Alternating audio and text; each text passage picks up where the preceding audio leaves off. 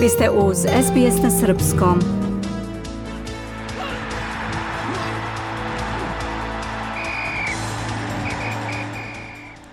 Sledi opširni sportski izveštaj. Trener Sokerusa Graham Arnold je siguran da će tim biti spreman ukoliko play-off za svetsko prvenstvo sa Peruom bude odlučivan izvođenjem penala. Australijanci će u roku od 24 časa znati da li će se kvalifikovati za peto uzastopno svetsko prvenstvo ili će propustiti ovogodišnji turnir u okršaju povednika sa južnoameričkim protivnicima u Kataru u ponedeljak, odnosno utorak u 4 ujutro po australijskom istočnom vremenu. Everything that I've been driving since we've been able to do this camp has been just been around, you know, making sure that we work hard and Sve što sam radio od kad smo bili u mogućnosti da odradimo ovaj kamp je da naporno treniramo. Ako se desi da izgubimo prednost, vraćamo se na loptu, otežavamo stvari protivnicima. Očigledno da tim iz Južne Amerike nismo igrali u kvalifikacijama za svetsko prvenstvo 2005. želi da nas izazove na drugačiji način, ali verujem da će momci biti spremni za to, kaže Arnold. Futboleri Srbije odigrali su nerešeno sa selekcijom Slovenije 2-2 u utakmici četvrtog kola grupe 4 Lige B u Ligi Nacija. Domaćini su uspeli da dođu do podele bodova posle ubedljivog vođstva Orlova od 2-0 u prvom poluvremenu, pošto su uspeli da preuzmu inicijativu i postignu dva pogotka na startu drugog poluvremena. Posle ovog meča Orlovi su zadržali drugu poziciju u grupi sa sedam bodova iza prvoplasirane Norveške koja ima 10 bodova i zadržali su šanse za borbu za prvu poziciju. Futbaleri Španije savladali su selekciju Švedske 2-0, a švajcarci su bili bolji od Portugala sa 1-0 u utakmicama četvrtog kola grupe 2 Lige A u Ligi Nacija. Posle iznenađujućeg poraza Portugalije u Ženevi posle nesvagidašnjeg pogotka domaćina, zahvaljujući rutinskoj pobedi na svom terenu, Španci su preuzeli vodeću poziciju na tabeli grupe. Sada Španija ima 8 bodova, jedan više od Portugalije. Češka je na 4, Švajcarska sada na 3 boda. Furija 24. septembra dočekuje Švajcarsku, dok Portugalija istog dana gostuje Češkoj. Thank you. AFL Brisbane Lions su se zadržali na drugom mestu u AFL ligi pobedom 78 prema 57 na St. Kildomu u Brisbaneu. Uprkos tome što su obe strane imale problema sa povredama tokom utakmice, Darcy Gardner i kapiten Brisbanea Dan Zorko morali su da izađu zbog povreda dok su na strani St. Kilde Mitchit Owens i Daniel McKenzie zadobili potres mozga, a Jack Jones je povredio tetivu.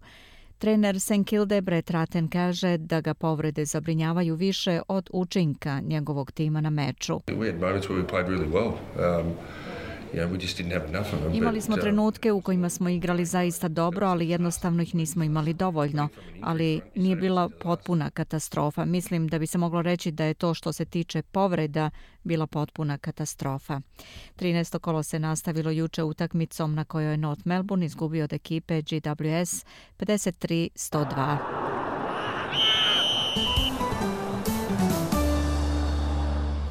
Košarka, košarkaši Mege savladali su na svom terenu ekipu Crvene zvezde 77-70, čime su izjednačili na 1-1 u polufinalnoj seriji Košarkaške lige Srbije. Treći odlučujući meč na programu je u utorak u dvorani Aleksandar Nikolić.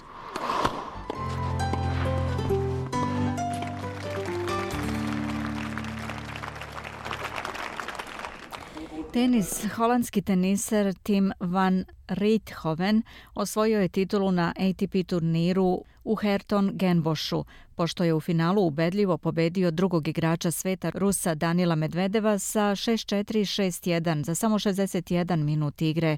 Titulu u ženskoj konkurenciji osvojila je Ruskinja Ekaterina Aleksandrova, pošto je u finalu pobedila Beloruskinju Arinu Sabalenku 7-5-6-0.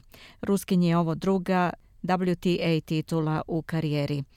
Italijanski teniser Matteo Berrettini osvojio je ATP turnir u Stuttgartu, pošto je u finalu pobedio Britanca Endija Marija 6-4, 5-7, 6-3.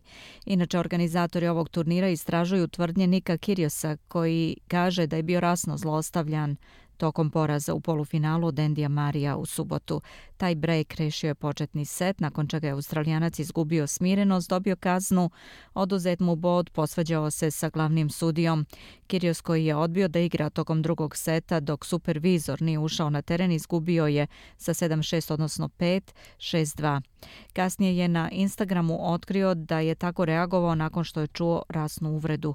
U saopštenju organizatori turnira navode da nema tolerancije za diskriminaciju diskriminaciju bilo koje vrste prema igračima, štabovima ili posetiocima.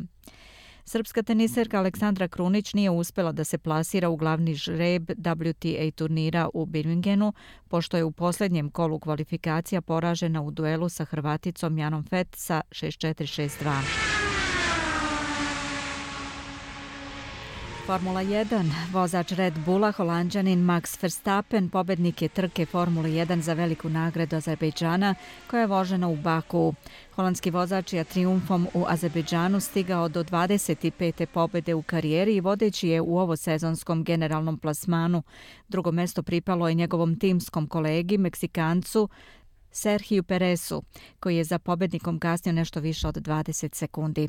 Treće mesto osvojio vozač Mercedesa, Britanac George Russell, dok je njegov klubski kolega i zemljak Lewis Hamilton bio četvrti.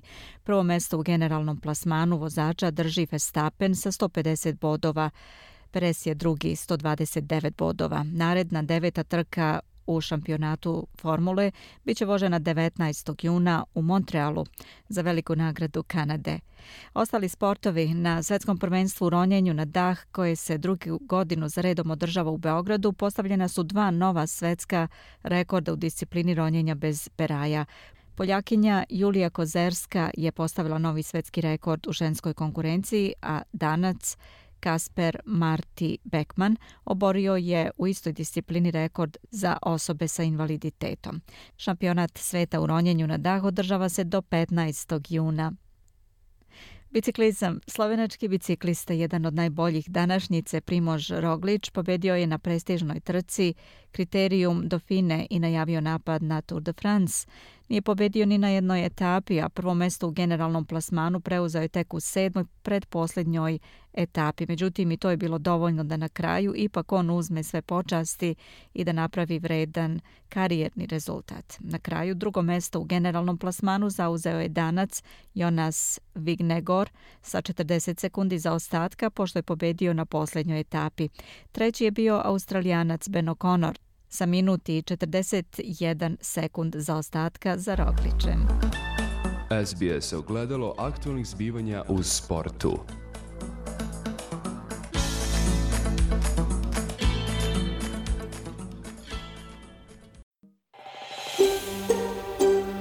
Želite da čujete još priča poput ove? Slušajte nas na Apple Podcast, Google Podcast, Spotify ili odakle god slušate podcast.